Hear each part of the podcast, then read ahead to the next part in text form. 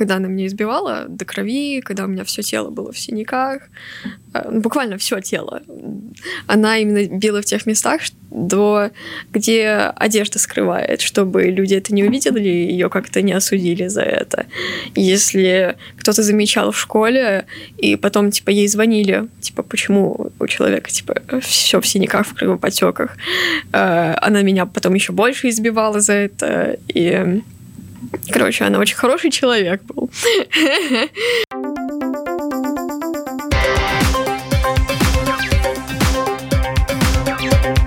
Поколение Z. Здравствуйте, с вами Марина Талапина, режиссер программы Даниэль Йофе. Спасибо большое, что слушаете нас, смотрите, подписывайтесь на нас. Я напомню, это можно делать э, теперь практически на всех платформах, включая Spotify, Google и Apple подкасты, и, конечно, на нашем сайте lr4.lv, ну и смотреть нас можно на YouTube. И э, сегодня у нас необычный человек в гостях. Ася Цауна. Ася, привет. Здравствуйте. И у нас, э, я думаю, получится очень необычный разговор. И спасибо большое тебе, что э, ты здесь. И как тебе удобно, чтобы к тебе обращались? Мои местоимения он, они. Э, я не бинарная персона. Точнее, гендерно-флюидная. Вот.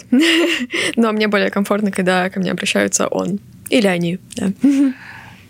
Расшифровывай, а, почему, что значит гендерно-флюидное и так далее. Я думаю, что многие сейчас прильнули к радиоприемникам. А, небинарность — это а, термин umbrella, у нас так называется, то есть термин зонтик, который включает в себя довольно много Э, идентичностей. Э, одну из моих, например, гендерная флюидность.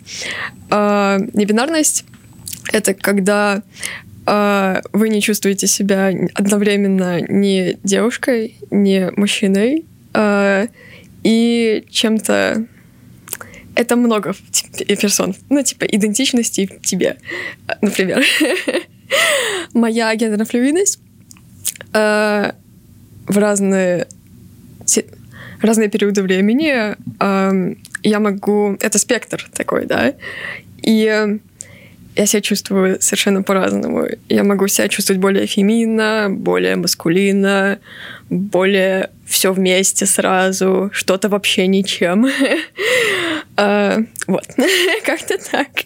Сложно объяснить, наверное. Ну, для... будем разбираться, да? Давай разбираться и поможем разобраться в этом э, людям, которым эта тема интересна. И э, ты непосредственно, когда мы предварительно говорили да. об этой теме, да, ты всеми руками за то, чтобы об этом говорить. Почему?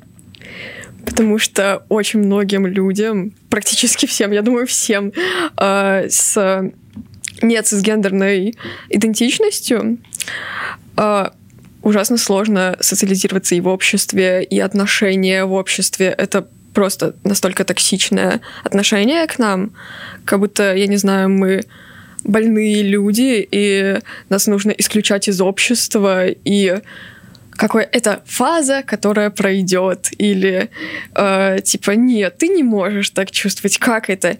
Ни женщина, ни мужчина, и не то, и не другое вместе, все сразу, что не то, а?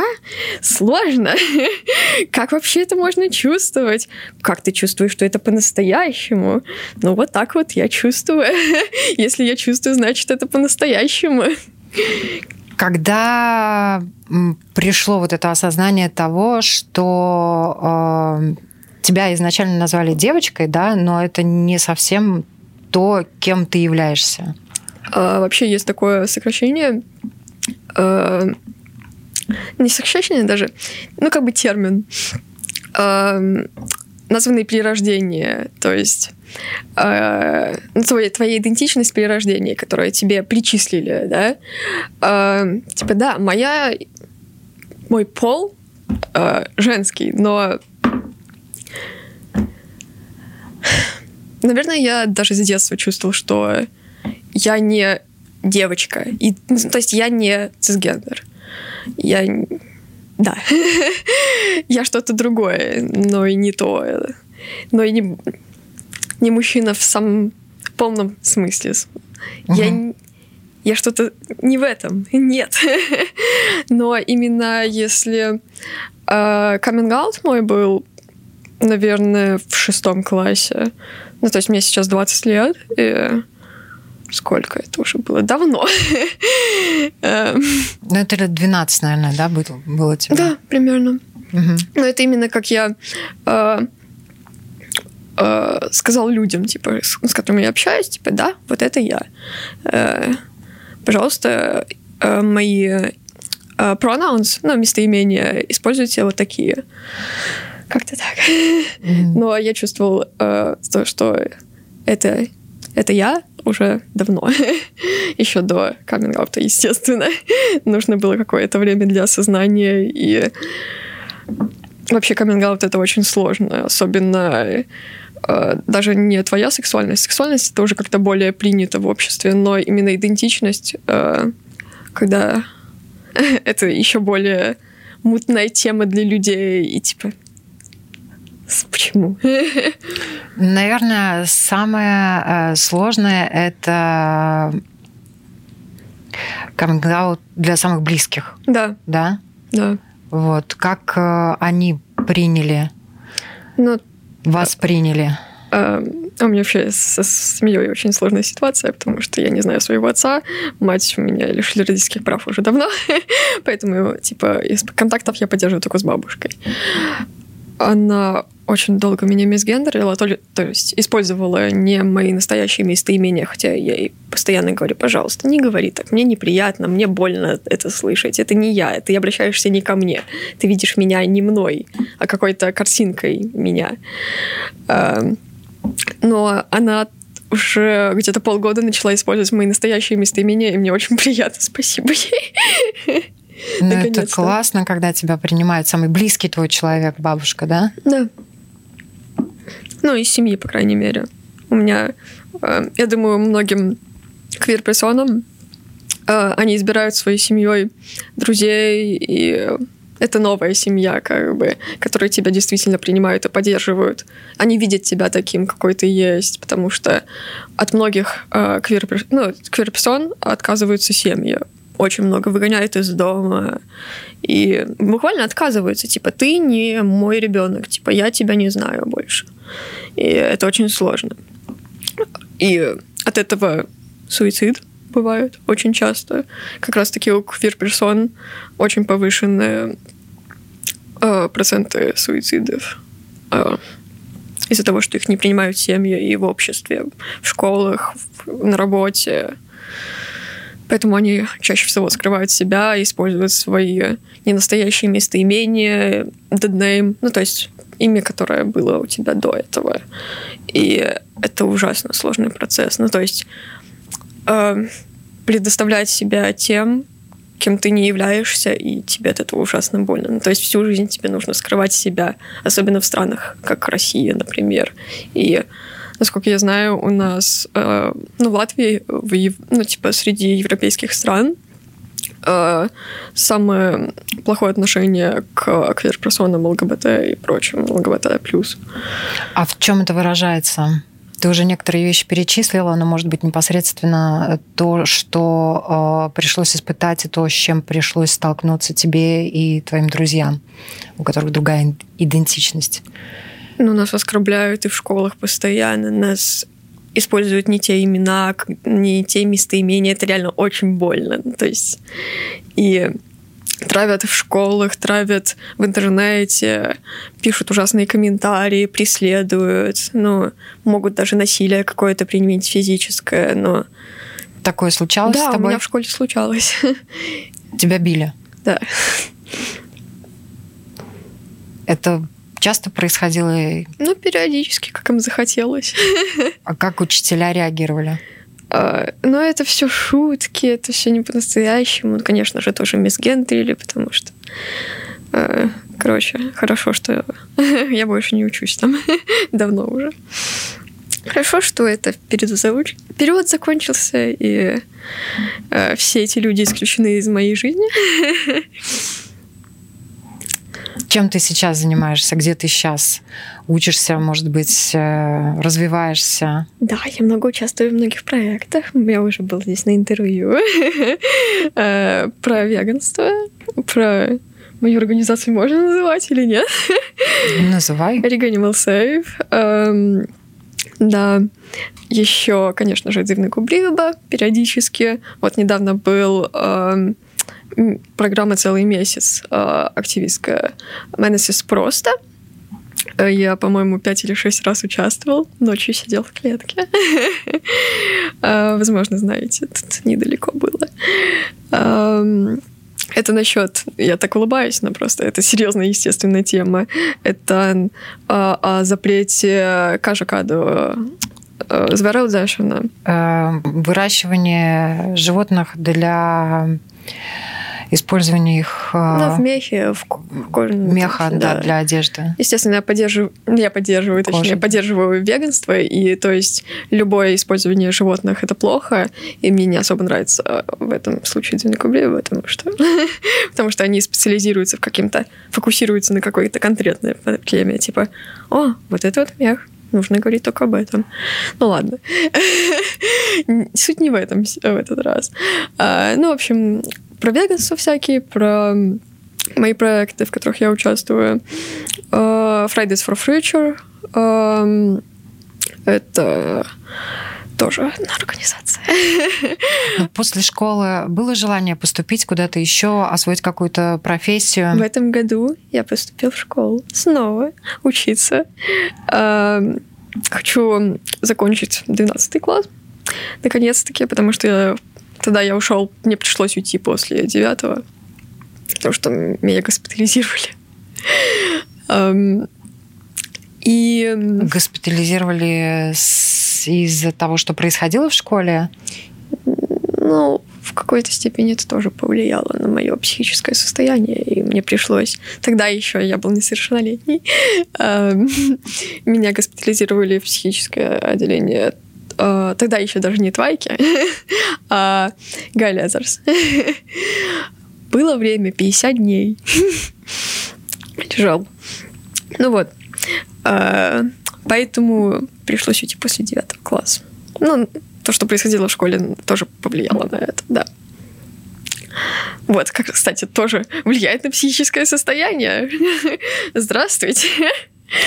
А, тем не менее, у нас э, сейчас уже не Советский Союз, э, да, да когда достаточно жестко обращались э, со всеми людьми, которые не так думали и политически, идеологически, угу. и тем более уж говорили о своей какой-то не такой идентичности, да, а, то, что касается психиатрической больницы, вот работа врачей непосредственно с тобой, в том числе и с твоей идентичностью.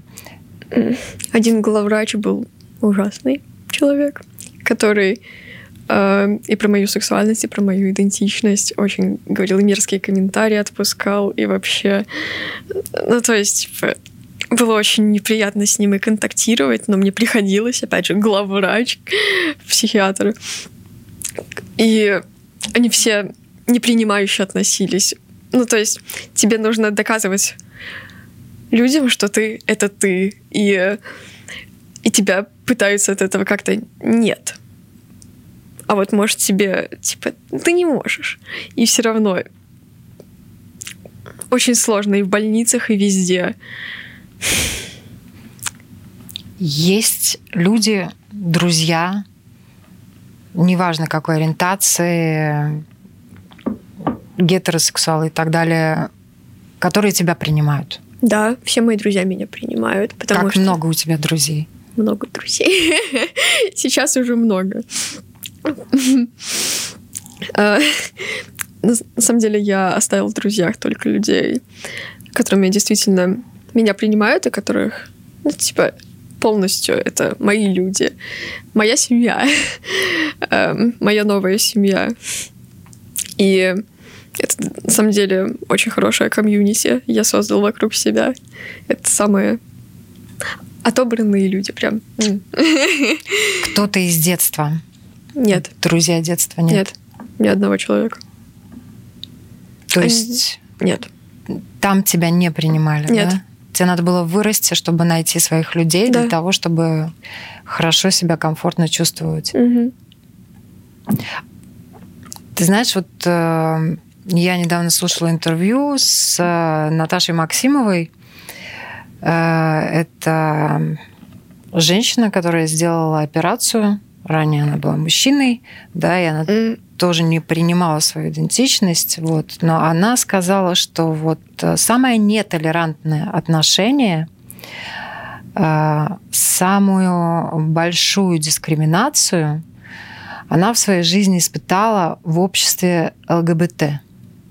Да, вот э, она добилась достаточно большого успеха. Это популярная личность э, в России, да, и там на обложках журналов ее публикуют.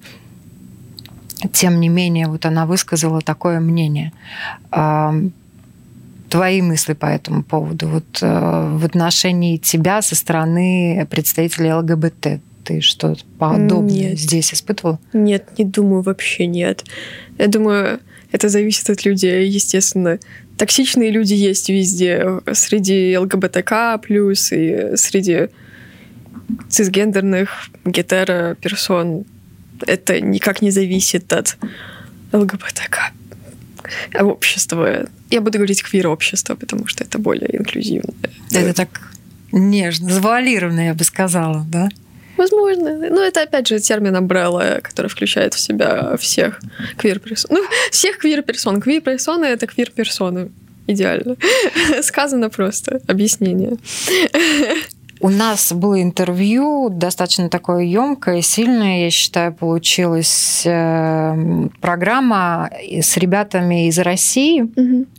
И говорили мы о хромосомной вариации, да, Да. о хромосомных вариациях. Они сами с этим живут, столкнулись, они тоже проходят очень много проблем. Интерсекс-персоны, да? интерсекс персоны, но они, э, да, они больше говорили о том, что вот природа э, поступила так, распорядилась так. У них не XY хромосома и не XX хромосома, а у них хромосомная вариация, да, и там хромосомных вариаций на сегодняшний день открыто уже больше 40, да, и эти люди тоже э, страдают, потому что некоторые из них только в 12 лет понимают, что они не те, э, с кем их идентифицировали до этого возраста, и там у девочки в 12 лет начинает расти борода условно, это обусловлено физиологией, да, и так далее. И разные э, проблемы возникают, особенно юридические, когда люди хотят поменять паспорт. Мгм. Есть огромная-огромная проблема, а, потому что этим людям а, и в нашей стране, и в других странах часто делают операции в детстве, еще в совсем маленьком возрасте, а проблемы физиологические все равно берут свое и вылезают уже в подростковом Да. возрасте, в более старшем возрасте, и у человека действительно начинают э, возникать много вопросов, а родители, ну, то, что сделано, то, что то сделано. Да, там, когда из мальчика э, при рождении сделали девочку, потому что у него э, он родился с половыми признаками обоих полов. Мгм. Да, и родители сделали этот выбор за него, и проблем потом физиологические вылезли. Конечно, очень сложно человеку такому адаптироваться, принять, и вот эта идентификация, потребность в идентификации есть у каждого человека, правильно?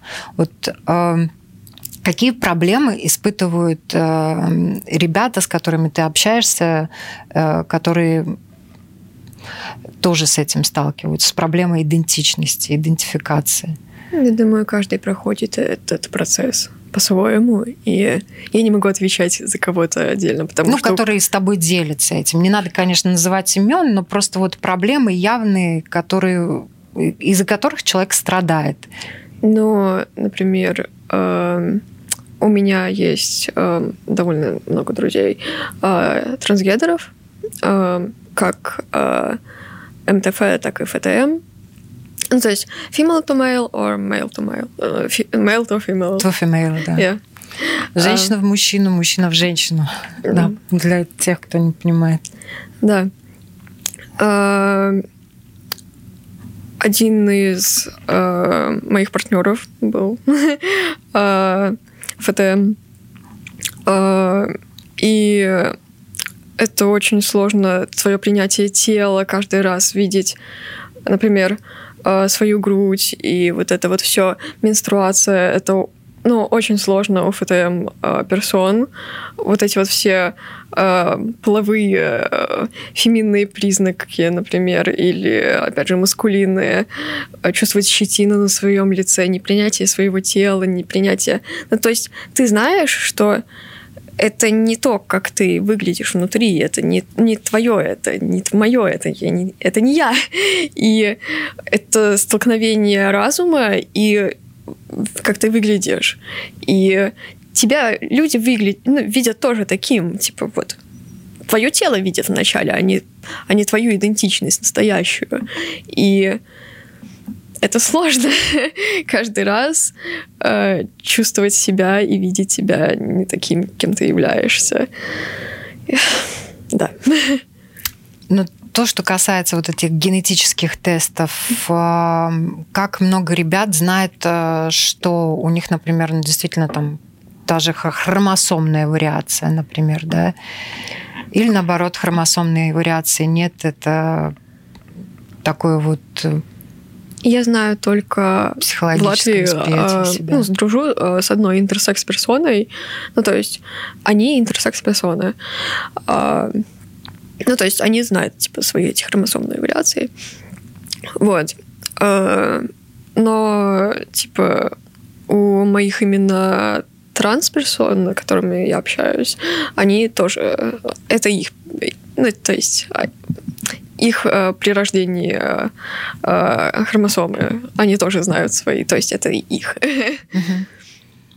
Э, ты хотел бы сделать такой тест для того, чтобы немножечко глубже понять природу своей идентичности? Откуда mm. корни растут?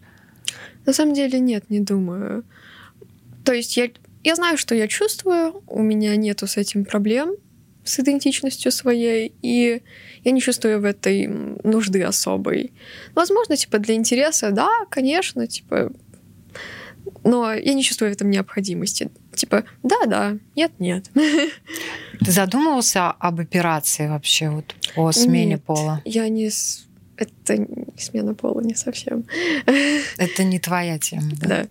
А, возможно, я позже начну пить блокаторы, чтобы... Ну, то есть у меня не могут идти месячные, в принципе, сейчас. Но, возможно, я буду пить блокаторы позже, типа, чтобы остановить все вот эти вот процессы. Женские процессы да, в организме. Женские, феминные. А, потому что нету женских, потому что, типа, у многих женс... Не все женщины э, способны менструировать, и не все, кто менструирует, женщины, например. Но э, менструация это типа женское что-то считается. Ну да, приписывается да, женщинам. но это Женские дни. Это не Есть это, это выражение? Это менструация. Это менструация. Это, это нормальное слово. Оно может быть как и у мужчин, например, у трансгендерных персон, или квир-персон, или небинарных персон, кем я являюсь, например. А, но, но они все равно могут менструировать. И реальные, типа, цисгендерные женщины, они могут не менструировать. Вот такие вот дела. Но они все еще являются цисгендерными женщинами. Ну, получается, не, не женские, не феминные, потому что фемины это все-таки женщины, ну, да? да. Ребята, которые хотят сделать операцию, да, угу. они проходят достаточно серьезные психологические тесты, не да, только с психологами сложно. разговаривают для того, чтобы вообще подойти к этой операции. И с психологом, и с психиатрами нужно да. проверять кучу раз, кучу пасов и вообще это очень сложно. И опять же, очень дорогостоящие таблетки и уколы. И опять же, мой один из партнеров был трансгендерной персоной. Он и есть трансгендерная персона, что я говорю, был. И мне очень... Я его, конечно же, естественно, поддерживаю в этом всем, поддерживаю до сих пор. И мне очень было сложно выглядеть, как ему больно через это все проходить. И как он колется этими ежедневными это сложно. Этот процесс это очень долгий и сложный. Но он был так счастлив, когда у него начал меняться голос и э, ну, тембр этот голоса и более типа маскулинный этот. А. Короче, все к лучшему. И э, он дошел до этапа операции. Мы сделали операцию. Пока что нет, но скоро будет, да. Mm. Он И теперь вы- живет в Германии просто, и поэтому.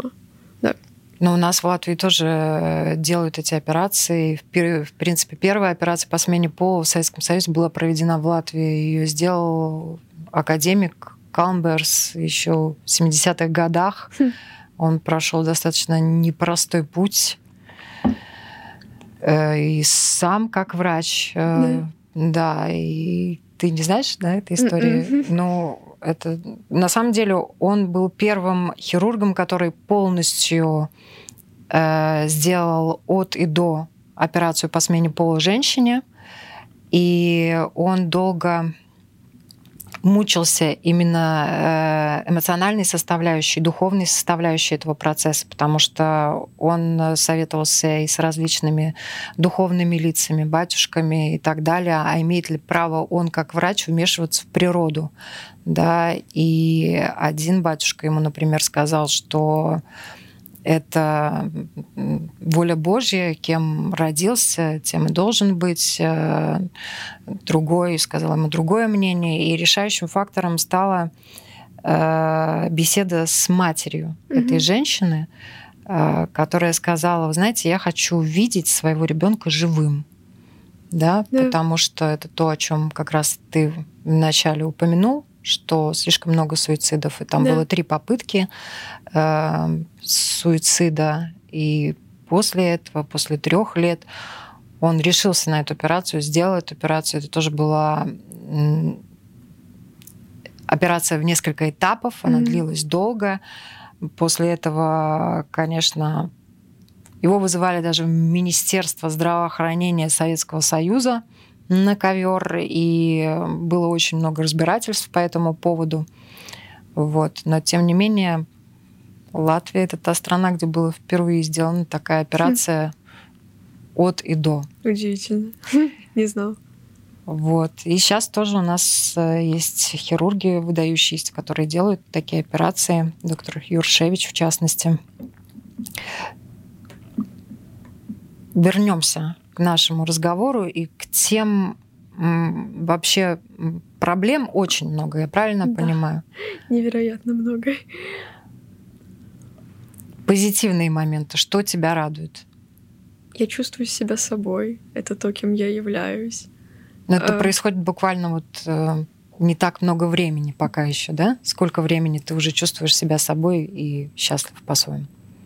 Наверное, с моей первой госпитализации и с тех пор, как э, мою биологическую мать лишили родительских прав, и я ее больше не видела с того времени, потому что она была ужасно токсичным человеком.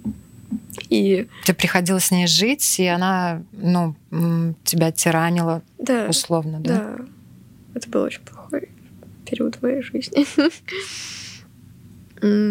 Но дело не этом. Первая госпитализация, девятый класс, то есть тебе 14-15 лет. Да, примерно.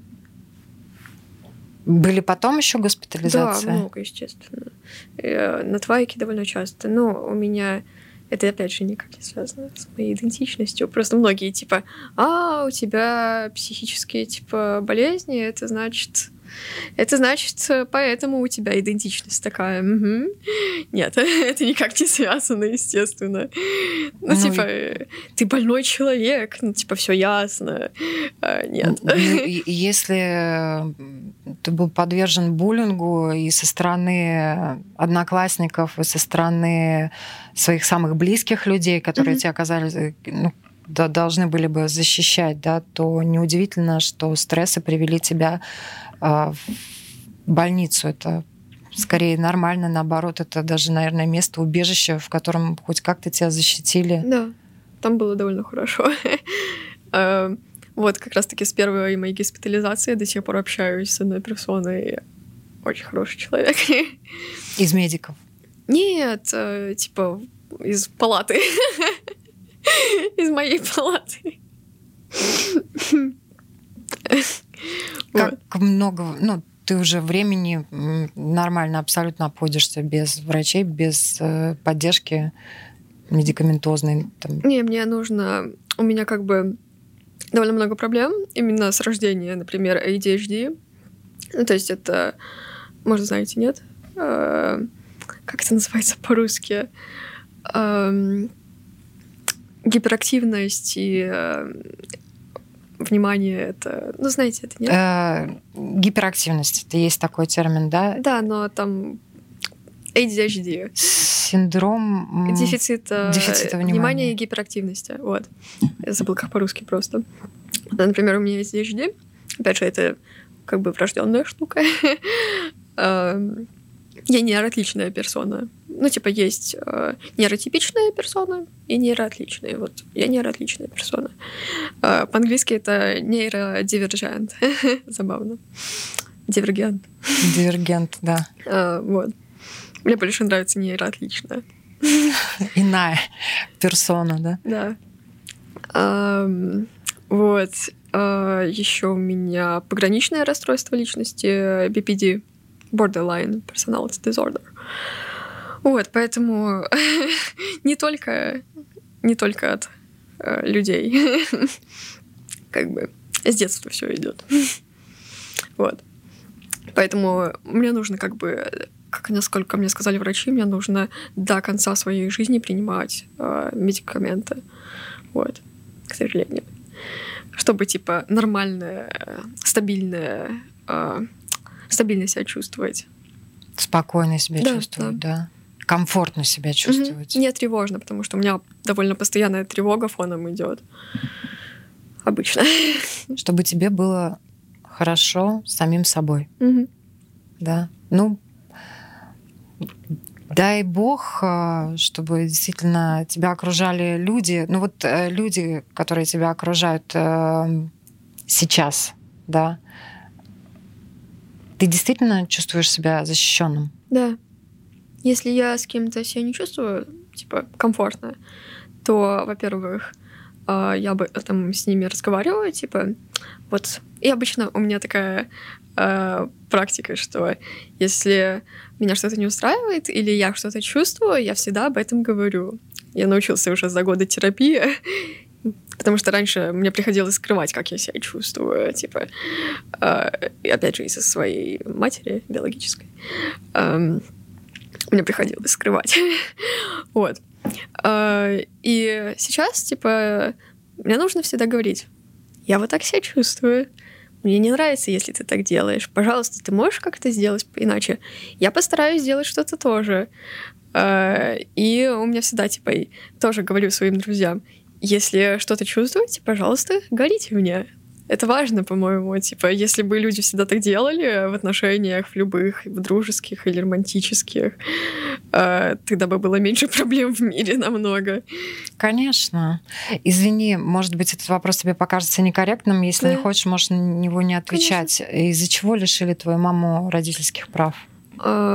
Абьюз, э, избиение постоянное. Мне приходилось. Она заставляла меня скрывать, как я, э, когда она меня избивала до крови, когда у меня все тело было в синяках, э, ну, буквально все тело.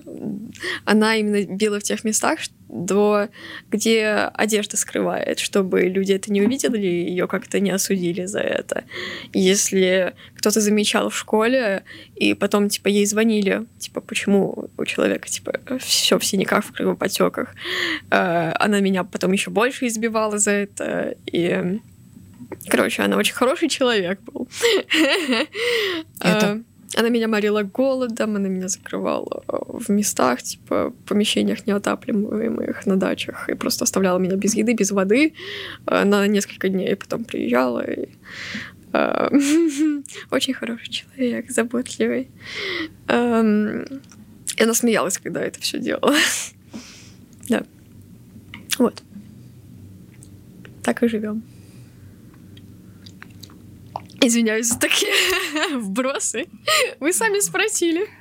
Э, я на самом деле тебе очень благодарна за то, что ты откровенно об этом рассказываешь. Я представляю, как тебе тяжело, потому что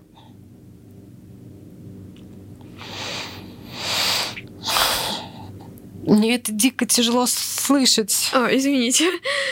Простите, я не хотел, чтобы а, причинить дискомфорт. Что в нашей жизни такое бывает, и если это продолжалось, это продолжалось э, с раннего детства, да? Да, То есть да. ты, в принципе, получается, не помнишь, когда твоя И мама с тобой жизни. была ласкова. Нет, не помню. Она никогда не говорила, что люб- любит меня. Она говорила мне постоянно, что лучше бы меня не было, и лучше бы я не рождался. Она меня несколько раз пыталась отдать в детдом, типа, собирала мои вещи, потому что, типа, не хотела меня видеть. И буквально, типа, не за какие-то мои провинности, а потому что ей так захотелось. Она просто могла... Она вообще со мной по несколько месяцев не разговаривала, например. Она просто приходила меня бить. Вот. Не кормила, опять же. Ты спасалась только у бабушки, да? Да. И она, когда знала, что я ухожу к бабушке, она меня тоже за это била. Она То есть тебе приходилось сбегать к бабушке Да. для того, чтобы Да. хоть чуть-чуть тепла получить и защиты. А бабушка не хотела тебя забрать. Она знала, что происходит, но она не хотела портить отношения с матерью. Типа, хотя... Это ее родная мама? А, ну, это ее, типа, дочка, да. А, ну, моей бабушки дочка, моя мать. А, опять же, я не знаю никаких родственников своего отца, ни отца, я никогда его не видел. Без понятия даже, как зовут его. Никаких родственников у меня больше нет. Типа, не... А как Ну удалось добиться того, чтобы лишить э, родительских прав? Ам, я попал а, в Галлизерс тогда, и начала полиция разбираться, почему, После откуда, избиений очередных, да? что. Нет, это...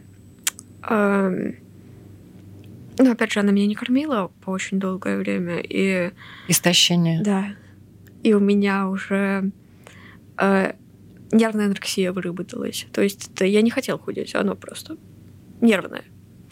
И я весил, по-моему, тогда 34 килограмма. Вот. Эм, мгм. Вот такие вот дела. И в один момент меня просто госпитализировали, потому что я отключился полностью. И санитары, я, я помню, я отключился тогда. Я у бабушки тогда был. А, И мама тогда пришла, и она на меня начала кричать. И мне и так уже было плохо. То есть я стою в дверном проеме, бабушка тоже видит, на меня орут.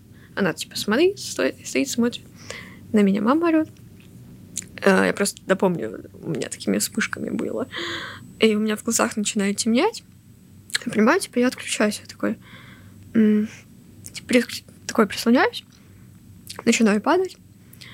А, ну, так сползаю, типа, сползаю через, не знаю, какое-то время очнулся от смеха, потому что моя мать смеется, надо мной стоит, говорит, цирк уехал, клоуны остались. То есть она подумала, что я притворяюсь. Типа она никогда не верила, что я что-то могу чувствовать. Вот. И меня тогда госпитализировали. Слава богу. И слава богу, нашлись люди, которые это дело довели до конца и лишили родительских прав человека, который так измывался над своим Да. ребенком. И ее, ну, типа, судебные процессы, процессы очень долгие были. Она отрицала, конечно же, все, ничего не было на самом деле. Естественно. Короче, это было очень долго.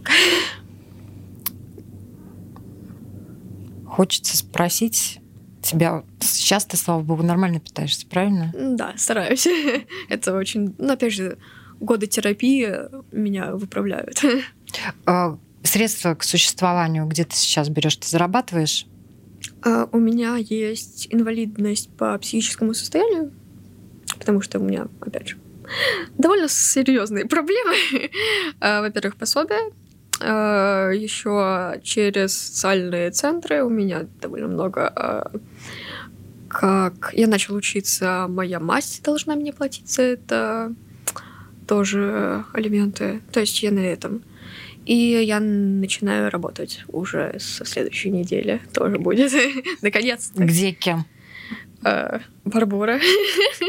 Я знаю, это глупо. Я много довольно где работал, типа, более веганских таких ресторанах, типа терапия и КФМ. Эм, Конечно, я бы хотела там продолжить работать, но, опять же, из-за ковида очень сложно. Но такое сейчас работает. Барбора работает, меня взяли. Спасибо вам на этом. Вот. Хочется совершенно дурацкий вопрос тебе задать. Твое Да. любимое блюдо? Ой, я много люблю чего. Я люблю всякие веганские альтернативы, я люблю готовить, я обожаю готовить. Это очень глупо, потому что Uh, опять же, у меня не было еды дома, из чего готовить раньше, ну, когда я со своей матерью жил. И я читал кучу кулинарных книг, потому что я ел через кулинарные книги. Типа, я смотрел на эти картинки там, я читал эти рецепты, и я так ел, потому что не было еды, потому что мне не давали. И как-то я научился готовить. И сейчас я веганизирую, типа, эти рецепты, потому что я знаю все. У меня отличная память.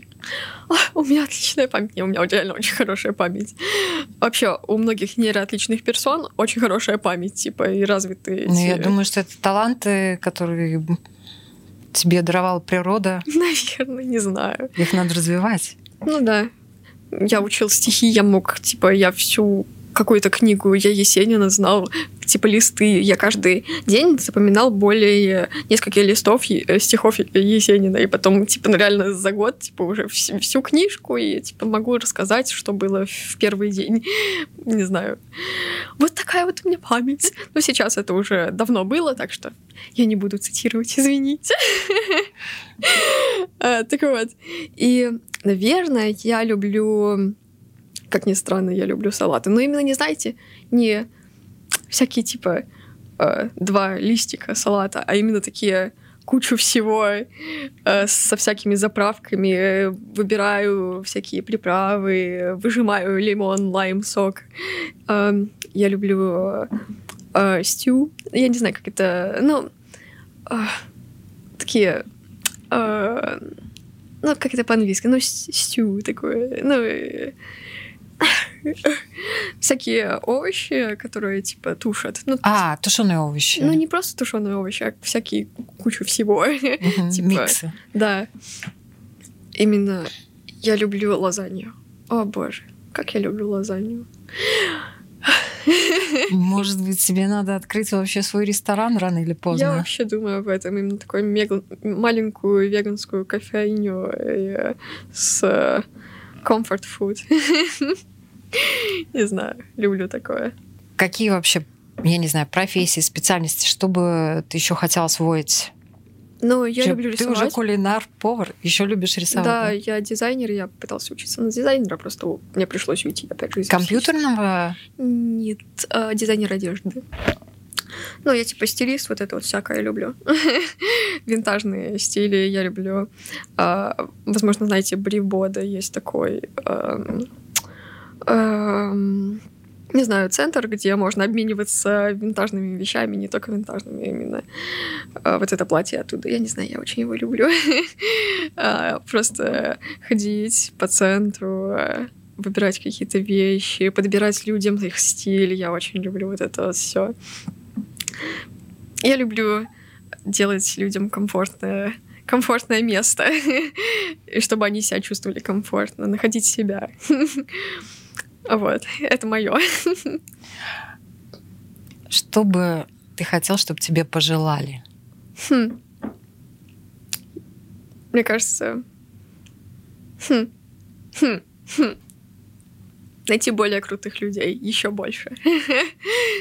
Э, быть более сильным, чтобы менять мир, чтобы рассказывать людям, что это нормально быть таким, как я, таким, как другим. Быть нормально другим.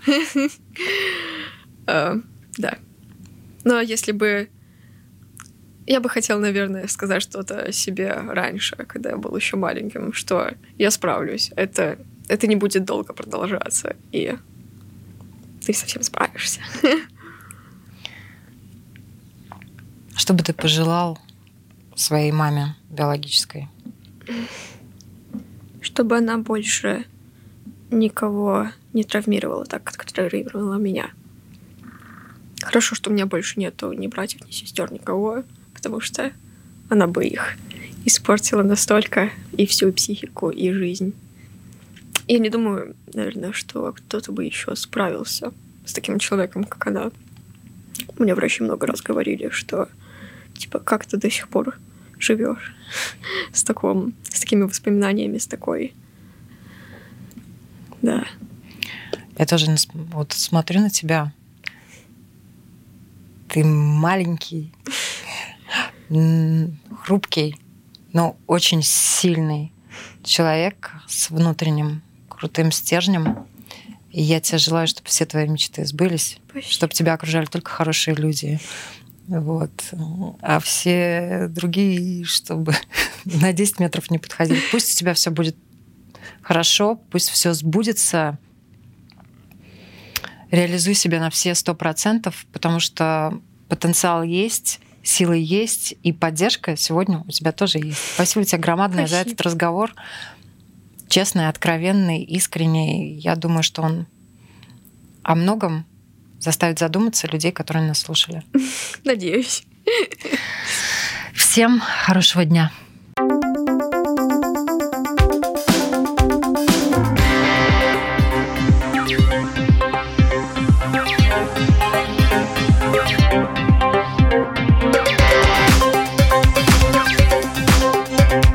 Поколение Z.